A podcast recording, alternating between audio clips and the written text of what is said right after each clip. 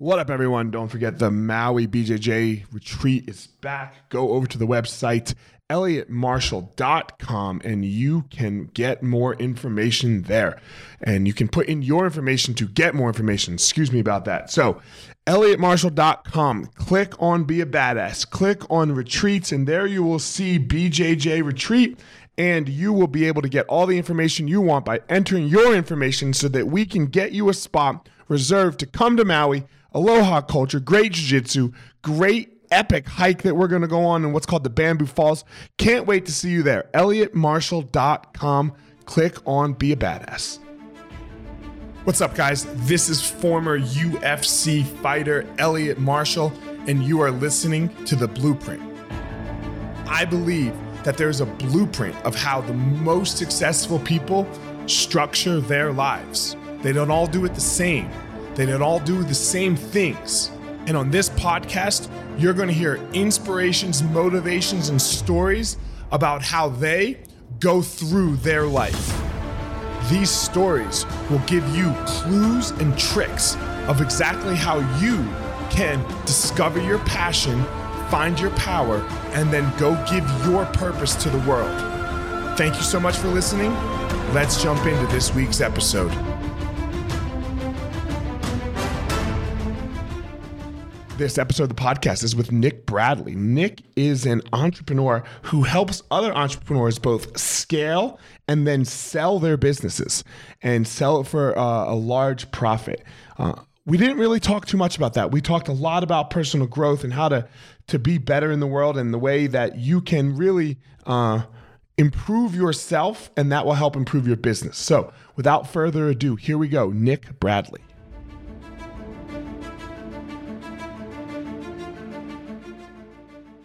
Nick, my homie, we just discovered our, our love for basketball together.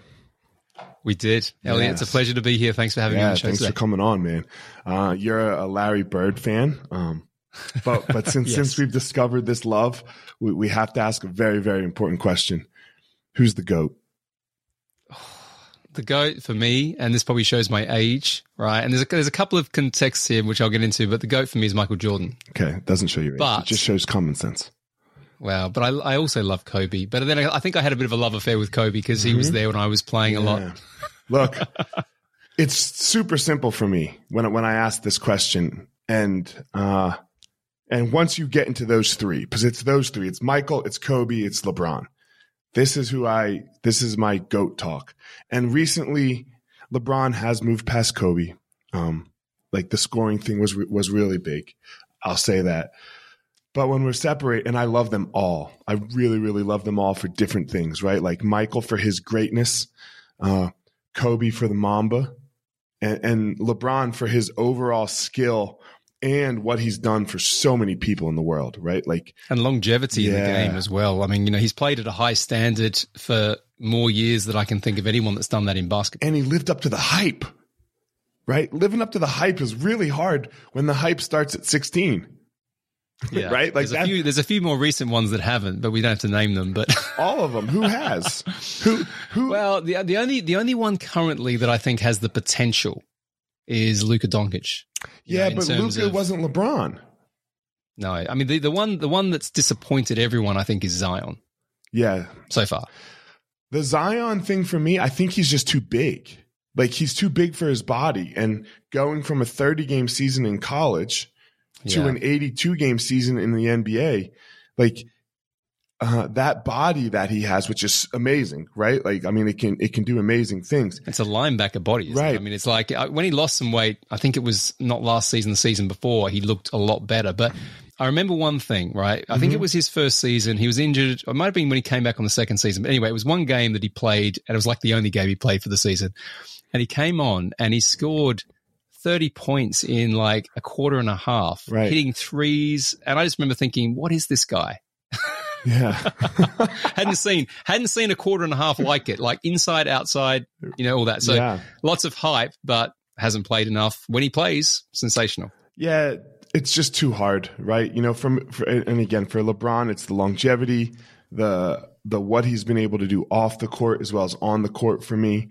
Uh, but when it comes down to it, it's who do I want in game seven of the NBA finals? Oh yeah. Who, who well, now we get into mentality though, yes. here, like in terms of that, like, and the mindset behind this stuff. Because I think you know, even if you put like Kobe and Michael, they had a similar, a similar kind of way of approaching the yeah. game right? And mm-hmm. if you read their, like I've read their books, there was a book called The Jordan Rules that yep. came out a long the, time in the nineties, in the mid nineties. Yeah, yes. it was one of the first. It was written by a, a reasonably famous sports journalist. Yeah, Steve Smith was his name. Yeah, and it talks a great book, right? If you mm-hmm. kind of want to go back in time and see what was going on, because it was written around the time when when Jordan was kind of coming up, not quite when he was right there, but on the way up, and uh, it just talks about how difficult he was to be around, how obsessed he was, and you see a little bit of that in in that show that came out, The Last Dance, but not to the level. And it kind of brings up the question: to be the goat, do you have to be like that? I think you have to be like. I almost think you have to be an asshole. Like he's a dickhead. Well, you have to be just single minded, right? Yeah, but like, he's an asshole means... in every way in his life, right? He he's not a great dad. Uh, he's not a great. Uh, you know, he, he, gives his kids whatever they want, but like he, he's not there. He's not present. He's a terrible husband. We know this. Uh, you can't be his friend. You like he's terrible to fans. All of that stuff, right? You know, is that what it takes? It's though? a choice, isn't it? Maybe is that what it I takes? Know. I don't know. Do you know? It's funny. I asked this question recently because we were talking about in in, in a different sport, mm-hmm. and actually it was in tennis. Okay, and I I was with some guys who were very close to being pro. In fact, one of them was in the top fifty when they were a junior. Okay, and I said Roger Federer, right? Like pretty much the greatest tennis player, certainly from kind of you know male tennis player. Mm-hmm. It's him and What's Nadal. He like? Yeah, and and they they know the people I speak. They know both of them okay. know, personally from the from Graham. Both just great people. Said, they're both fantastic. There's a couple of others that are up there that aren't. so here, so here's my argument though, with with with this goat thing. Michael Jordan is the goat of all goats. We have never seen anybody do anything better than what we saw Michael Jordan doing on a basketball court. Tom Brady? Um, no, he lost. He lost in the yeah. he lost Super Bowls. He lost Super Bowls. He didn't make playoffs. He should have left after the tackle. He should have left, right? Like so. Um, and I'm saying no, and I'm not saying sports. I'm saying presidents. I'm saying CEOs. I'm saying all of it. Nobody did anything better. What Michael Jordan did in that eight year span, he had the world captivated. He like he couldn't like and and I don't know that uh almost on a Tiger Woods level, right? And probably more than Tiger almost. But like I don't know that we can understand what that takes. Like like me and you just, you know, like I do my thing. Well, I wouldn't want to necessarily right. go that far. Like, you know, my drive to be that good at that one thing, I prefer to be good. I prefer to be good at a few things than absolutely the goat at one. So that's a different choice, right? Right, right. And I don't know one, but the question is, do we have the ability? Like, do do, and I don't think everyone does have the ability, right? Like, like that that uh, that he was a special guy with a special upbringing. I don't know that I have the ability to be the absolute best in the world at anything. I fucking tried. I tried my ass off. I, I yeah. couldn't have tried. It depends harder. how you define ability, though, isn't it? I mean, because like, because because I think there's a couple of things here, right? One mm-hmm. is one is environment, mm-hmm. right? You know, because you know a lot of a lot of people who become great come from you know quite destructive, painful upbringings, right? There's, there's, usually something that drives, right, or becomes that thing. Mm-hmm. Then you've got the mindset, that tenacious mindset, that disciplined mindset that has a you know balance between belief and that just doggedness to not lose, mm-hmm. right? In whatever mm-hmm. you try, right? And then you've got the actual ability, physical ability, whatever the thing is that you're right. trying to achieve. Right. And and I and I kind of I've always thought about this. I don't have an answer for it, but I've been thinking, you know, was Michael Jordan, was Kobe, right? If you look at Kobe's background, were they just great athletes? I mean, they obviously were pretty damn good athletes, right? Yeah, of course but but there was stuff that they did when they were younger before people saw the talent. 100%. Do you know what I get at? It's, it's weird, right? And and then it's like, does this is going to sound a little bit kind of esoteric, but because you're putting so much commitment in at that age, and say, you know, does that then change your body a bit? you know, do, do genetics suddenly start to evolve? Because some of these people didn't have like six foot seven people in their family before. It's it's an interesting mean? thing. It's we. I, it's it's hard to. I think I think so much of it is luck. You know, luck, which which is timing. Uh, you know, it's so much of that. Because maybe somebody in the 70s and 80s was as good as MJ, let's say, but hmm. Nike wasn't ready to blow up. Because part of what made MJ blow was Nike, right? Like that that that shot his start and his performance. So was Dr. J, did Dr. J have the physical ability of, of Michael Jordan and then Nike wasn't around yet, let's say? So then therefore he just kind of stayed in the shadows a little bit. And because you and I both know part of this mindset thing is just this confidence and belief. So Michael came around when when it really started getting filmed and put out in the world. So then you just you if you really believe the hype and it and it keeps coming true, I mean, I'll take confidence over any performance enhancing drug in in the world. You uh, you can take all the steroids. If I have all the confidence, I'm go- I'll take it. Well, there's enough evidence to show you know that placebo effect of of that anyway, right? Mm-hmm. So we we can. I, I have this belief again, just a personal thing, whether it's true or not in terms of science or whatever, that we tap into only a small percentage of our capability anyway, right? Certainly, that's proven in the mind, right? right? You know how much of our brain we use, and I do wonder that if certain circumstances, you know, like what you said, right, believe the hype, because that's like that's like getting an affirmation every minute mm-hmm. of every day, right? Mm-hmm. And I mm-hmm. wonder if that just starts to program you differently. And then and then once you have that true confidence and belief in yourself, that's when different things start to manifest around you. You do attract different things. Yeah. Like when you walk into a room when you know you can't lose, it's a very different atmosphere than if you go in there thinking that, you know, you are going to get killed. I thought the greatest thing about The Last Dance was episode 10. And early on in in that episode, when they were getting off the bus and Michael was listening to that music, and then they all went and shot that half court shot, and they all missed, and Michael hated it, and my, Michael hit it, and they they asked him or somebody said, and he was like, "Why in the world would I think about missing a shot that I haven't taken yet?" And that like just that that's a crazy belief because of course everyone else is thinking about missing it. Right? Like because there's only two options. It's not like there's three options. It's not like you have all these things that are possible and then you're like yeah fuck it whatever. You know like but this is literally an a b scenario. So why not think about a and b? And i you yeah. know that that mindset is just something special and i want to know everything about it. I really do. It, yeah, it really it's it's interesting me. when you read. I said you when you read the biographies, mm-hmm. some of them some of them autobiographies, but most of them are the kind of the outsider looking in, yeah, or the insider looking at what's going on around them. But um, there is definitely patterns against these things, yeah, like you know different traits for yeah. sure. Did you watch the Tiger thing on HBO? No, I haven't. Was, but I do know from a business perspective that it was he and Jordan were the only, and might have changed since then, but they were the only ones who had equity in Nike as part of their contracts. Yeah. I know others tried to do it afterwards, but they were really well in. I mean, the, the growth of Nike came from those two athletes. Yeah. Certainly at the time. The Tiger documentary was, I mean, it was amazingly insightful. Like the, he, this, like what his dad did to him was terrible. and, and, he's Tiger fucking Woods. He's the greatest golfer. Well, you saw time. that. Um, what was that one? The King Richard movie, yeah. the the Serena, Serena, Williams and and and Venus. I mean that that's borderline as well, isn't it? Yeah, but like yeah. But look at look at the know. ball that look at LaVar Ball, right? Well, he he's got three kids in the fucking NBA. I know, I know. So like, I can know. you and fault all, it? I mean, it's interesting. It's interesting to see how these things. It depends, doesn't it? I know. It depends yeah. back to you know whose life are you kind of influencing and living. You know, and and then a lot of these these guys have massive crashes. Mm-hmm. You know, mm-hmm. they have other things go on, so it does make you think about. You know, yeah, I'm sure they love almost the everyone the best in the world. Almost yeah. everyone has a massive crash.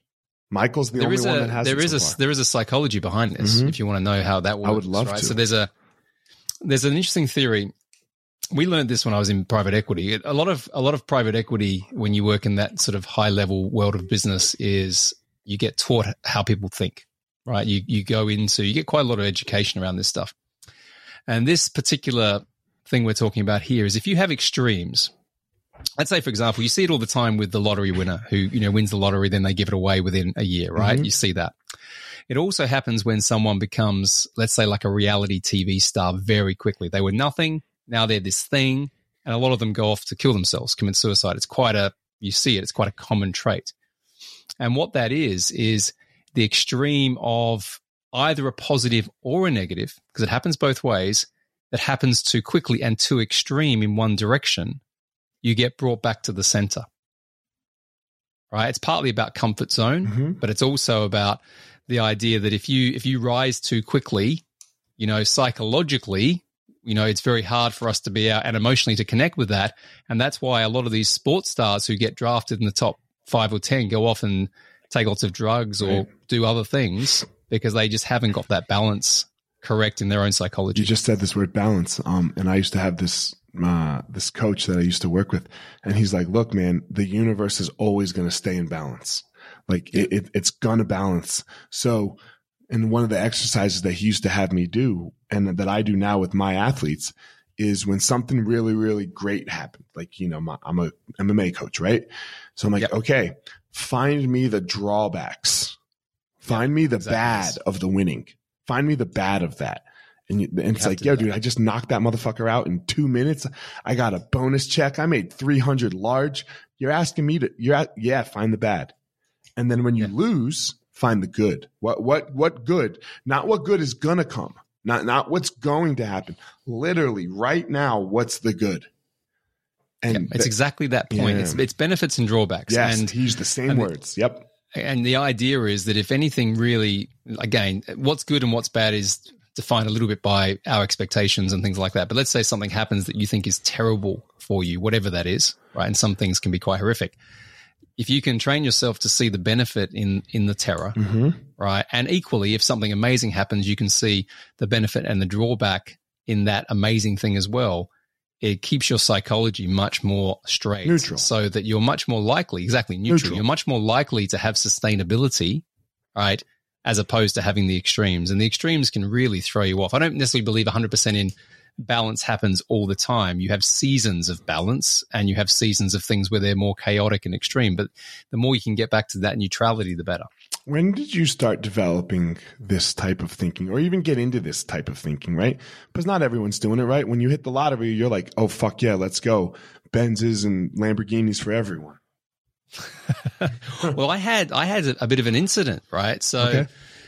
So this is where I had to kind of lean into this because I was going down a certain path which wasn't serving me, my family, all those sort of things. I, I kind of it kind of comes back a little bit to identity, mm. right? So it's funny, like a lot of my friends, because I was in this kind of extreme world of of finances and stuff we can get into. Have you ever seen the show Billions? Yeah. Okay, so so all my friends call me Bobby Axelrod. Uh, for those who I'm holding up a little tiny caricature of Bobby Axelrod, okay. who's the main star yep. in Billions, because because I was a bit like that. You know, I was doing really high level deals. Some of the deals were in the the nine and ten figure range, right? Like right up there. So oh, billions, and hundreds of millions and billions. I've done three. I've been involved in three uh, above a billion dollar deals, and and and multiple other ones. So my background, just for context, I was in private equity for 15 years, buying, selling businesses, involved in scaling and exiting, all that sort of stuff. Mm-hmm. But in 2017, bordering into 2018, I was closing one of these deals. I was involved in this big deal. Lots of things were going on at the time. And one of the big things was my dad came back into my life after being away for about 35 years. Mm-hmm. He left when I was two ish, okay. right? And then came back, you know, 35, 40 years later. And I learned a lot about myself from meeting him because, of course, you can't remember if you have if you're two years old, you can't really remember anything, right? right? Let alone what your dad's like, right? So, so I meet him. He comes back in. He then gets cancer and dies very quickly um, literally, literally within a few months later, and did not have cancer knowingly beforehand. No, no. Well, he had, he did, he did, he did actually have cancer. Had that treated a number of years before. Okay, but he was healthy when, when I got him. healthy when we met, okay. and, and our relationship was for about two or three years. And then in the last year, he was diagnosed around about Christmas time, and then he died in October. Okay. But here's here's the thing. So I'm I'm firstly I'm sort of starting to learn more about myself because I meet him. Right. So this all these kind of different things are happening. I've got this massive deal about to close. There's a lot of infighting and all sorts of crazy games that happen when you're when you're dealing with that sort of money. Like it's imagine. off the charts. People just can't comprehend it, right? And so I went to bed one night and I cracked the teeth all on the right side of my jaw. I literally, it's it's more than grinding. Like people say, oh, you grind your teeth. Well, it wasn't grinding. It was like clenching and breaking, right? While you were sleeping, I, you did it? Yeah. I woke up at three in the morning and I went to the, the mirror in my bathroom and I was in heaps of pain. It was like I'd been punched in the face, right? Mm-hmm. And I had like little shards of teeth like quite a few bits. I'm thinking, what's this? Like, and it was teeth, right? And what it was, it was painful, but it was kind of just surprisingly weird and swollen, and it was hard to explain, right? Anyway, um, I went to the the dentist. I went to the doctor first, then the dentist, and they said that you, your body is just stressed to the to huge levels, right? And I wasn't feeling good at the time right? Again, it's all this ex- this extremity of different situations mm-hmm, happening. Mm-hmm. I call it pretty much a it was a nervous, therefore physical breakdown because I was living this kind of life or coming to a realization, probably the best way to say this, of living a pathway that was absolutely incongruent with my values and what I wanted to be. And so my body then decided to give me a, a, a lesson, quite a positive lesson if I look back in hindsight, right? To change. But it was at that point, to your questions, at that point I thought, you know what, I need to learn what's going on here. Because I was intoxicated into this this world, right? Lots of egos, narcissists, money, you know, all sorts of stuff going on. All the all the things you would expect and you see in the TV shows is kind of what it's like, mm-hmm, right? Mm-hmm. And and I was just showing up like the worst dad for my kids, and I was just like this egocentric asshole and then my body just said that's it. And that was it. So i so then i lent into i had to learn i well firstly i, I changed everything after that. Um, but i also had to learn what was going on from a, a kind of scientific level to then comprehend what i needed to do next. Yeah we have a similar story. Uh, you know not not with funny, not, not with the billions of dollars but in fighting you know yeah. And yeah, my bum, you know, same thing. My body's, you know, mine, mine presented with massive anxiety, which I'd suffered with my entire life, you know, and I got, I have to, uh, I want you to do me a favor and I'm, I'm veering here for a second. I'm really sure. trying to stop saying, you know, because no, you don't know. That's why I'm fucking telling the story. So just say asshole every time I say, you know. I'll do my best, but I'm I'm usually quite present that I'm listening to I'm listening to the story. So I I probably say um a lot. I don't yeah. know. I'm Australian. We we kind of say all this. Okay, I'll do my best. All right, I'll help you with um. You help me with you know. So perfect.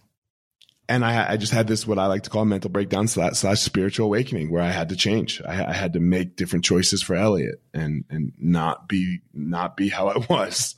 So it was uh yeah. I think this happened. Do you think it happens to a lot of men? Do you know?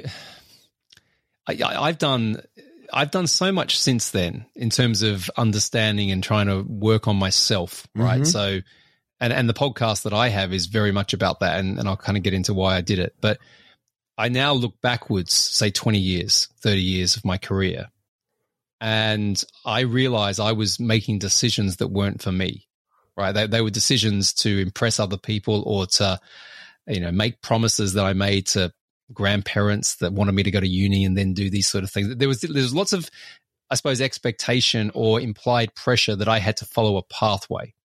Right. Right. So I think to your question, is that common with men? I think it's probably more common with men than women. Mm-hmm. I think there's that, particularly when you kind of grow up at a certain age. Like I had a very strong willed grandfather who was amazing in so many ways, but he was hardcore, right. like full on discipline, this, you know, you will do this. At the same time, he was incredibly supportive. So I learned a lot from him, but at the same time, I wouldn't dare to go and do anything different to what he wanted me to do. Yeah, Is that good um, or bad? I don't know. I mean, uh, it, it's interesting. I mean, I, I certainly did more things than maybe I, I, expected that I would achieve at a younger age, but then I had to have this quite significant pivot later on. Yeah, it's it's so interesting. Like for me, it was my grandfather. You know, I have a similar grandfather, you know, a Holocaust survivor. Right, my my mom was Jewish and Holocaust surviving grandparents, and he was ridiculously difficult. Mine with with loved me, like you said, but you know, with the fighting and all of this, like stupid, you know, la da da da, and then I can remember on his deathbed, like when, like the last time I'm seeing him, um, and he he had done well for himself, all all based on fear, right? All based on fear of being able to run from Hitler the next time Hitler came. Wow. so, and then I, I can remember him saying, give Elliot what he wants. Because my career was ending and I was going to open these schools with my, with my business partner. He, he already had some. And he was like, just give him whatever he wants. And, and this was it. Then we, you know, I hugged him, I kissed him, we said goodbye and he dies. So I had this wow. massive guilt, this massive like, yo, I better make this fucking happen. Because for me, it wasn't just like money. This this is blood money, right? This is money that is going to save the family from the Holocaust. Another one. So it's like, oh, you know, and I, I, had to get through this, and I still have to deal with this. When was that, Elliot? How long ago was that? This was 2000, right at the end of my career, right at the end of my career. So 2010, 2011. He he died in 10, and then my career ended at the end of 11, and uh, then we opened the schools uh, the the small jiu-jitsu schools were already open and then we oh, then we went big in, in, the beginning the end of 11 2012 so um it was wow. yeah it was do you ever like, look do you ever look back at that and go was that a was that a, a, blessing for you that he said that or did it kind of just increase yeah, it pressure definitely a, a blessing okay. it was definitely a blessing because uh, uh I, I, look at everything as a blessing i'm sure kind of as as you do uh, is yeah it whether it increased pressure or not, that that's a yes as well. But it probably helped cause the breakdown that happened, and then the the rebuild. Right. So yeah, um, I'll, I'll take it. I'll take it. I, I, try. I try to go with everything. Like, okay, well, at some point we'll find the benefit, even if I can't. One of my one of my coaches kind of said this to me, you know, and, and I thought it was quite interesting. He said, and it's exactly the point we're talking about here. Things are not in the way; they're on the way, mm-hmm. right? And mm-hmm. it's the context of even if something feels, let's say, painful in the moment, it's just part of the journey, right? Right. When you when you get separation from that, like I look back at that that sort of 2017, 2018 year, you know, when when my dad died, all the it was very uncertain and complex, and I was super confused. But if I look back to what I did after that, and the different decisions I made after that to where we are today, sort of five years later, it was like the you know that that that um overused analogy of the matrix the red and the blue mm-hmm, pill? mm-hmm. it was like I, I couldn't see the world the same way again. Like I couldn't see it. Like there's no way like if i it's, it's hard to describe to people who haven't been there but beforehand i was living in a different world. And i can't and you can't see it that way anymore. Like you cannot fathom how you thought before correct? No there's no way i could go back to yeah. it either. If i think what what i've done well, what I've done since in terms of uh, the people that I've met, the different opportunities that have presented themselves, how I live my life these days, right? All of those things, fundamentally different things to what they were, you know, take us 10 through years them. ago or so. Take us through them. So 2017 happens. Your dad dies, right? Your, your teeth are broken in your mouth. You wake up 3 a.m.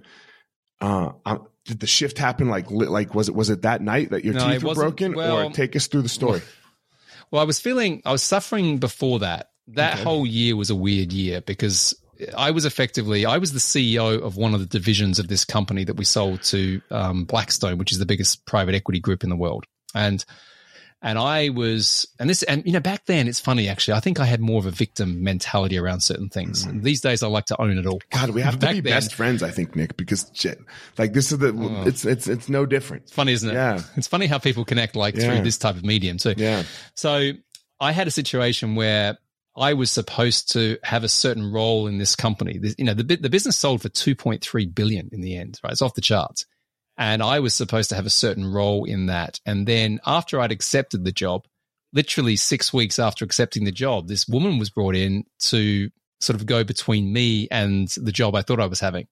Now, I can look at that and say, well, there's no way they just found this person, right? they knew that, like, she just turned up. Wow, isn't that interesting? That's crazy. It was kind of all planned. And and I was sort of set up in a way to, to do a certain thing. And at the time, I didn't like that thing. Now, if I if that happens again, I'd be like, hey, listen, I know exactly what's going on here. I'm just going to leverage it. Right. But at that time, I was not probably emotionally aware enough to deal with that. So that whole year was really challenging. So we're doing this big exit. I'm doing this stuff. I'm fighting with this new boss that I've got. My dad's come back. You know, um, he's he then says he's got cancer. We don't know how long he's got. I'm flying all over the world trying to close this deal coming home and just being an absolute arsehole to my family because I'm hating myself through mm-hmm, this. Mm-hmm. Put on all this weight, about probably about 25 pounds heavier than I am now. Lots of stuff going on. Anyway, so so this all happens. I'm not feeling great. The teeth thing happens right towards the end, right towards the end. And I I remember getting up the next day and I said to my wife, I said, I've got to get out. I've got to change it all. I've got to change this. I'm not quite sure what I'm going to do, but I've got to change it. She was like, Oh, thank God you've come to that realization. Like, okay, well, you realize, you know, the the two Porsches in the house, it's going to change a bit if we change this, right? You know, you get paid extremely well. We've got the kids in private school. We've got all the perks that you would expect from a private equity lifestyle, right? Mm-hmm. And I said, if I'm going to make this change, I'll try not to make it affect you, but I don't know what I'm going to, I don't know what I'm going to do, right? So anyway, so I called up a friend and he was a very successful entrepreneur when we were at sort of university. You know, he was the entrepreneurial guy, quite a quiet guy, didn't really drink anything or go out much.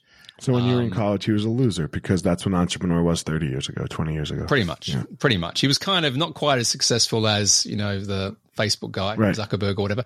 H- however, but that's what it was thought of. If you said you're not like you know, I've, I've, discussed this a bunch. If you said you were an entrepreneur well, 20 he, years he ago, you were a dork. Yeah, and and in fairness, pretty close to that. Right. A very uh, a funny guy. Like he was part sure. of a group, but wasn't right. Yeah. Anyway, he ended up retiring in his early 30s. He, he started an advertising agency, sold that for millions, and then you know bought an island somewhere off the coast of Greece and just travels around the world with his wife and just does nothing really. Right. I don't know if I could do that though, but go ahead. No, well, he probably does a lot more than that. Okay. I'm probably, you know, right. giving a disservice to that. But he's definitely not in the. He's definitely not like in the limelight of you know going out to every party in Monaco and all that stuff. But he probably does a lot of philanthropy and okay. things. But anyway, just quiet guy, but doesn't have to work ever again, right? So I called him up and said, "Listen, I've got to change this," and told him the situation. I said, "What do you What do you suggest I should do?" And he said, funnily enough, he goes, he goes, I'm going to give you some advice. You're going to think it's really weird, but you've got to do it. He said, promise me you'll do it before I tell you what it is. I'm like, well, that's a bit shit. Like, and he goes, he goes, it's not, it's not harmful. It's just okay. you're not, you're going to say no instinctively because you always used to say no to this, but I want you to say yes and then just commit to it. And I said, okay, yeah, I'll do it. He goes, I want you to go online. I want you to go and search up um, Tony Robbins and find out when he's running the next UPW event in the world. And I want you to book the tickets. And I'm like, I'm not going to a Tony Robbins event. Like, are you a muppet? Why, why am I doing that? And um, he said, you know, all those years back when you guys were going out and doing that sort of stuff, I was just going to his events and I was working on myself. Right. And I was just working on kind of how I was going to create this lifestyle. So he said, don't judge it. He said, give it a go. So I go online and the next event's about five weeks away from, from I've had this conversation and it's in Chicago. So this is we're gonna we're gonna get a little bit circular now with Jordan. right now, I've never seen Jordan play other than oh, on TV. yeah. Right, and guess where the what event year is? is it? What year is it? This is 2018. Okay. So guess where the event is? It's in Chicago. Chicago. It's in the United Center.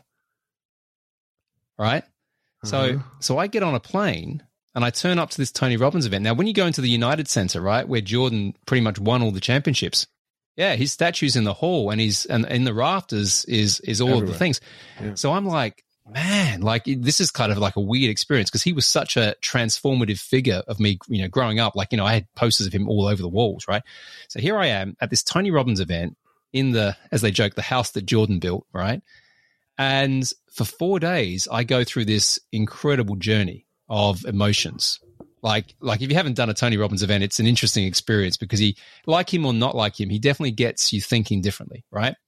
And um, I remember just hearing things I'd never heard before. Like one of the quotes he talks about is a Zig Ziglar quote, which is, "If you help enough people get what they want in life, you'll have everything that you kind of want and need in life." Now, I'd never heard that before, and in private equity, you'd be like kicked out of the club for saying shit like that. Mm-hmm. So anyway, so so I remember I was, I was crying my eyes out half the time. I was going through all sorts of emotions. And I made a decision through that experience. It's four days. And I said, you know what? I'm going to come back and quit private equity. I'm going to, I'm going to quit.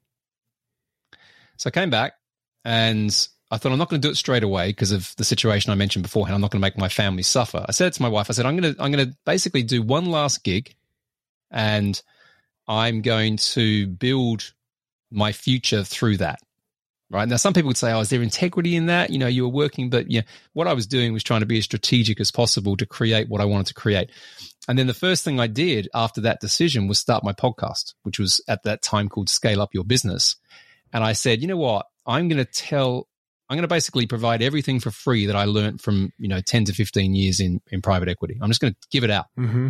And, and it, it kind of just exploded, Elliot. It just, you know, I, I think it was partly because I didn't do interviews like this. I just spoke into a mic for 30, 40 episodes, told all the stories, all the tricks, everything. And it was partly for me cathartic, right? You know, to get stuff out of my head. It was partly to to contribute. Um, and then off the back of that, what I do now, my whole set of businesses and the things I do now just just started from that decision. So so that's kind of how it worked. But I had I have not done those things, had I not put myself into those different environments and maybe explored different things, um, I don't I don't believe I would have made that shift. Yeah, it's a great story. It's a great story. It's a great story. It connects back to your to basketball, like your love of basketball, right? Like it's it's man, I don't. I, I it's so cool though. It, it it's so cool to hear that. No, if there's anything I hope that anybody takes away from from from this podcast is like you're not stuck. You know like you're not stuck. You're like and you didn't probably seem stuck because you had you know i'm sure you're making great money too. Porsche's great house right? Like like you said. But it felt stuck. It felt stuck to you and you were able to get unstuck. And i don't know do you i mean do you make more money now? Do you make less money or does it not even matter uh, I'm I I make more money now yeah. because I own more companies now. Yeah. So it's interesting what what I this and just to be clear to everyone listening here, it wasn't like you know I went to bed one night and all of a sudden had this amazing strategy. I mean, this is evolved. Right? it's evolved. it's it's it started off like yeah. The, the, probably the one thing the, the thing that I didn't say about my dad is he was a very successful entrepreneur. I didn't realize that because I didn't know him until he mm-hmm, came back into mm-hmm. my life, and then I started to think maybe I'm more entrepreneurial than I've given myself credit for. So I kind of say when I started the podcast, like I, I entered the entrepreneurial path more so than previously. And, you know, it's a rough ride. right? You know, we certainly weren't making as much money in the beginning for the first couple of years. Yeah. But then I, I had this idea. I said, I'm going to take the playbook that I learned in private equity and I'm going to just work with founders.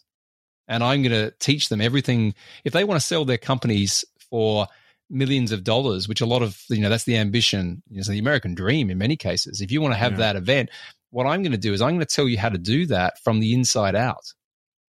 And what a do you tell them? What are some owners, of the steps? Oh God, there's there's heaps of it. So in in private equity, um, we have different techniques and strategies that we use to scale companies, and it's called value expansion to use a sexy, confusing mm-hmm. term. But most people, when they grow and scale a business, they focus on two things. They focus on revenue growth, you know, which is usually about how well they can do marketing and sales. And they look at what's called margin expansion, which is how they can be efficient with their cost base to drive profit. And most business owners stop there, right? You know, and, and, you know, they make, they make good lives. Like, you know, it's fine, but you don't make serious money running a business, but you do when you build something that is transferable and exitable. And what private equity do is they'll they'll leverage debt, like they'll invest more cleverly in certain activities that drive growth faster. They'll look at things like mergers and acquisitions. They'll buy other businesses and bolt them uh, onto other businesses to create groups. It's much easier to scale a business if you buy your you know fledgling competitor and suddenly get their customer list. Mm-hmm. Um, and then they do something very clever, which is called multiple expansion, which is where they flex the multiple of how a business is sold. And basically, what that is is when you sell a company, it's usually your profit times by a figure. That figure could be five times, right. seven times, ten times. Uh, and you can actually affect that figure if you build something sizable. So if you get your business, let's say you get your business to a really healthy number of something like, you know, three to five million dollars in profit, and then you sold that business for say eight times, right? So let's say eight times five for 40. argument's sake, that's a 40 million payday. And a lot of the people I work with now are selling their companies as low as 20 million. That's about the lowest that we, we get involved in or I get involved in all the way up to around about 200 million. Got it. Interesting. Crazy. Yeah. But, but all I'm doing, all I did was say, okay, how can I teach and guide, advise, whatever you want to call it, mentor business owners what private equity do because there's more millionaires and billionaires in private equity than any other entity. And it's not that complex if you know how to play the game, but most business owners have never been have never been in that world, so they don't know. Right. It's interesting. You know, I'm, I'm a business owner, and uh, we're not at the, we're not at the three million yet. You know, we're what did we do last? Year? I think we did 1.2. So so there you go. Yeah. But if you're getting over that level, you're in the, you're in the game, yeah. and and it's funny once you understand how the capital markets work, there's something like 8,000 private equity firms now, and that's doubled since I was kind of there. And okay. there's 4 trillion of what we call uninvested funds.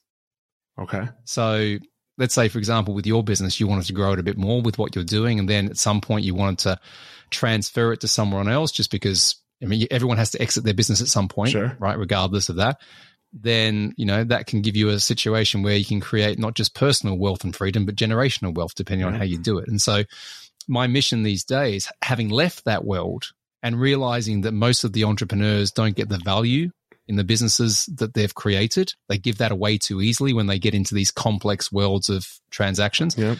my whole mission was how can i help those entrepreneurs keep more of the value that they created in those companies really cool yeah. Really but cool. I created all that from, to be frank, the teeth incident. Right.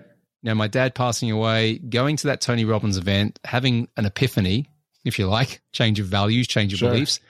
And then, then just to be frank, just trying to work it out. Would you say change of values or would you say, you know, kind of being like, you know what, these are my values. I'm not living up to them, so I'm, I'm going to change. Or did you actually? I don't think values? I knew what my values were okay. before that. I don't think I'd identified them enough. I didn't. I didn't realize that everything it, it's hard to explain it but maybe it's a bit like the military i haven't been in the military but you, you're taught to think and act a certain way and if you think and act a certain way that's outside of that sort of you know game if you like right then you know it's a very difficult situation sure. so you're almost indoctrinated to be a certain character in that environment it's really interesting when you start thinking about values it's it's it's, it's a crazy experience i think what it, what yeah. it does to you and you're like all right uh, my wife, uh, so I have this Hawaiian tattoo that I'm in the process of getting because we, we love Hawaii. And I love it. Cool. Yeah. Yeah. We, we go, we spend about two months a year there. And I'm in, you know, I was thinking about getting it for two years, you know, a while. And I was like, man, I don't know. I'm not, I'm not Hawaiian. I'm not Polynesian. I'm not any of that. And then I, I did some research. I decided to get it. And then the night that I got it, we're at dinner and there's our waiter, our server. He was, he had a bunch of them. And, and my wife asked, and he saw mine. He's like, man, hell yeah, cool tattoo. You're in the process. I'm like, yeah. And he, and my wife goes, isn't it disrespectful? Because, you know, and which I was, which was my concern too. And I can remember his look, you know, and his, because all, everything means something. There's nothing in the tattoo that doesn't have meaning. And he goes, look, the only thing that's disrespectful is when we see it if you're not living up to it. Mm, wow, that's cool. Yeah, and he's like, "Look, you can you can have them, but the problem, he's like, uh, they call they're called haoles, white white white guys, right? Mainlanders. Uh, right. He goes, the problem with you guys with with when when we get upset or you hear that we get upset is that we see you not living the value, and and then it becomes an issue for us. So uh, it, it, was a really interesting thing. Mm, I've never heard that before, but it makes a lot of sense yeah. because, yeah, it, it's almost like a, a, mantra to some extent, isn't it? Yeah. You're setting out the stall of how you're going to act and live, and if you don't do that, then yeah, I can see how that's a problem. It, it's, yeah. yeah, very much so. All right, as we as we close, Nick, um, I'd like to ask two questions. Um, one, sure. uh, look, you're about scale, like your businesses are about scale, and and and, and you know, growing businesses, and, and and to part of doing that is is uh, doing things like, you know, relating your ROI, your time for money, right? Or your time for things. Uh, this podcast ain't going to do it for you. So, uh, I'm not, I don't have a big enough platform, you know, yet, let's say. Uh, so why sit down with a dude across the pond who, who it might, maybe, maybe it will help your business, probably not. But, but why sit down and take an hour out of your day? You, you must know the answer to that already. I don't do this. I don't do this to grow my business. Right. I mean, I know the answer. I just want, I just want to hear everyone. It's the same answer almost every time. But I don't I do this, to grow my business. I do. Yeah. I do this because it, it comes back to that quote, right? That I learned. It sounds, it sounds crazy to say this. That it's such an obvious thing, but that helping people without expectation, mm-hmm. right? I don't do that just because it's a great service to everything. It makes me feel different about me. Right. Right. And how I then show up at home with friends, work, all of that, it changes the whole way that I approach life. So, mm-hmm. so when I come and spend, you know, a conversation like this, a, I've enjoyed the conversation. Right, I could go on and talk about basketball forever. Yeah, we could for sure. done a whole hour on that. but, but you know, it's it's also there's there's two parts for it to me. One is maybe I said something today, maybe it was just a line or whatever else that that hit someone at the point where they needed to hear it, right? And and that then caused them to go and think differently or do something differently that had a positive impact or change in their lives. Now, I don't, I'll never know that, right? You'll never know that. Right. But it might happen, right? right? So there's that. And the second thing is, since I started doing this, I have made the most incredible friendships, partnerships. Like, I remember back when I used to travel the world in private equity and I used to go to these cities, usually in America, and I would sit in my hotel room or go to a restaurant by myself and I wouldn't know anyone in these cities there there probably isn't a city now in the US particularly and in, even across the world where I can't connect with someone that I've met through a platform like this and just go and have a meal, have a coffee, have a chat, you know, all those sort of things. So for me, it's just changed the whole trajectory of where I was, certainly from where I was heading to something that's much more fun and exciting as well. Yeah. The reason I asked the question is, is I want to hear everyone repeat the same damn answer. was it the same answer? Yeah, pretty much. Everyone's is the same, right? But this is this is the message that like it, it's the quote. Just just go do it because one, you enjoy it. Two, it might help somebody, and three, you're not looking for a fucking ROI. You're you're, you're literally not. So, uh, and I, and I think when we can get away from that, especially in this world of what's going to come back to me, I, it just goes better because it's it leads into my next question, and and the final one here I believe everyone has a unique power that, you know, if you're religious, God gave you. If you're not religious, the universe gave you. But I, I, call God and the universe all the same thing. So it was given to you at birth. I think the hard part is discovering that power, right? Discovering what that thing is. And then you go and give that to the world. You just give it to the world. And then what the world gives back in return is exponential in what it gives back. What's yours? So, you know, this has hit me a few times in my life mm-hmm. and I've always like smacked it down. right. But if I go back even from when I was coaching basketball, you know, in my teens and all that to kind of what I was doing in business to what I do now, it's it's really inspiring people that they can achieve more than they think they can. Right. And I find now that even if I work with a business owner who's going, Oh, I don't know what to do, I don't know, half the time it's like would you just get the fuck out of your head and realize that you're here to play a bigger game, right? Mm-hmm. You know, this is not just about you in this small space that you're playing right now, right? You have the ability to go and create and do and, and, so much more than you're giving yourself any credit for. And I remember I used to do that with kids in basketball. I'll give you a very quick story because I know we're almost yeah. at time, but I um I coached under 16 boys basketball. And I was brought into a club in Adelaide, South Australia that had never really won anything, right? Certainly around, you know, certainly the boys' teams never won anything. And, and I got this team and every kid in, in this team was tiny, right? And we're playing with, you know, playing in a league where guys are literally bigger, going through puberty, all that stuff. Yeah. And and they no one expected them to win the, parents didn't they didn't right so we did one thing and at that time, I was a personal trainer, so I was kind of into fitness. I said, "What we're going to do is we're going to work so hard. We're going to we're going to basically double the time of practice. Like, this will definitely connect with probably what you do, Elliot." I said, "We're not going to train for an hour. We're going to train for two hours, right? And and we're going to do an hour of skills, and then at the end, we're going to do an hour of just fitness work." And the parents like, "Oh, this is painful, whatever," but they all went for it. And what ended up happening? I'll cut the long story short. We ended up winning the championship that year right? And we ended up winning the grand final against a team that was undefeated all season. We didn't we didn't you know have a great season up to that, but we got into the grand final. And we won it in the second half by endurance and speed, right? The fact that we, you know, were basically fitter and we were faster. These guys were a lot taller. And and I think they were complacent. But here's the thing. What I said to these guys, these boys, these 14, 15 year old boys, is I said, you know what? The reason that you're going to win is because I know and you know that there is not one team that's done the work this year, this season, than you've done. So, what I really did in that was give them the belief by the action that they couldn't or didn't deserve to lose.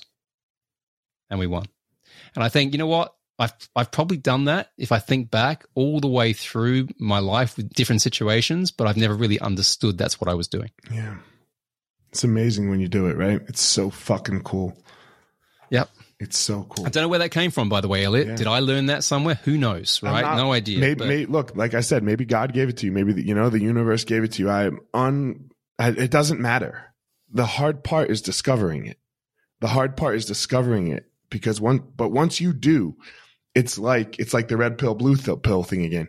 You can't not do it, right? You can't not do it. So um, Nick, Nick, tell everyone where you know where they can reach out to, you, where they can find you, Instagram, social media, your websites, all that stuff, your podcast. Oh yeah, cool. Yeah. Um, so yeah, the podcast, I'll start with that because we talked about it. So because it's changed a lot. It was, as I said, scale up your business, and now it's scale up with Nick Bradley. And the cool thing that I really am proud about is it's it used to be more business orientated. It's still a business podcast, but there's so much mindset in there. It's kind of interwoven. Uh, and then I just bring interesting people on like across all sorts of areas. I've brought athletes on. I brought in a guy called Dean Karnazes who ran across America. I've had all sorts of people like that on. And these days it's about people who are really interested in how they can scale their lives more so than everything else. And it's a lot about identity, right? It's a lot about who you need to become mm. to create that. So there's that. And if people want to kind of reach out to me, um, I'm on Instagram. I think it's, I'm not very good with social media. I think it's at the real Nick Bradley. you can check that out. Or my website is highvalueexit.com where again, that's where people can kind of reach out if they want to kind of get in touch about any of the stuff that we do. Awesome. Guys, as always, don't go out in the world and try to be Nick. Nick has his unique and special gift that he has. He goes gives to the world. Don't go out in the world and try to be me. I, I do my thing that I go out and give to the world. Everybody, please go out there and find your own power. Thank you so much for listening to this week's episode. I hope you found something useful that you can take and implement into your life. Don't forget to head over to wherever you are listening to this podcast and leave a review. That would be greatly appreciated. Also, go follow me on social media at FireMarshal205 on Instagram. Leave a comment, anything that you would like there. And as always, if you think this would be useful for somebody else that you know for their life, send it their way. That would be greatly appreciated. That's it for this episode, guys. I hope you all have a great day and you go step into that power so that you can give your purpose to the world.